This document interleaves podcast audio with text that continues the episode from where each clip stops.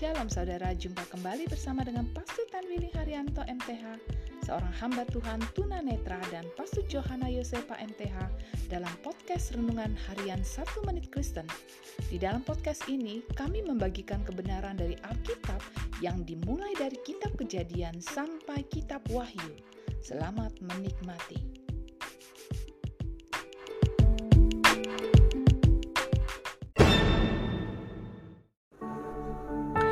Shalom saudara-saudara yang sangat berharga di hati Tuhan. Firman Allah hari ini mau mengingatkan kepada kita, lakukanlah perintah Allah.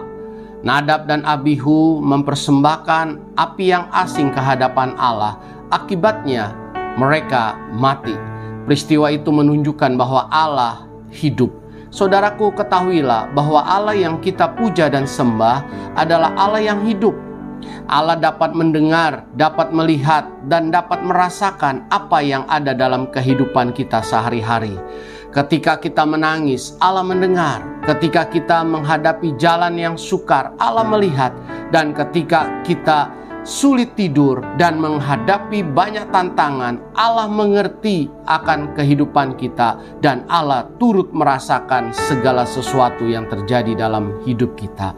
Ingatlah bahwa Allah kita hidup, untuk itu tetaplah berjalan dengan Allah yang hidup dan percayakanlah seluruh hidupmu kepada Tuhan. Amin.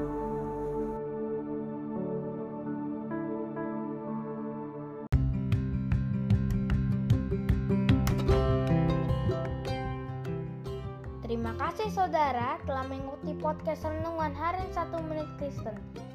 Doa kami kiranya kebenaran yang saudara terima akan membuat saudara semakin berakar di dalam Tuhan dan bertumbuh dan berbuah lebat di dalam Tuhan.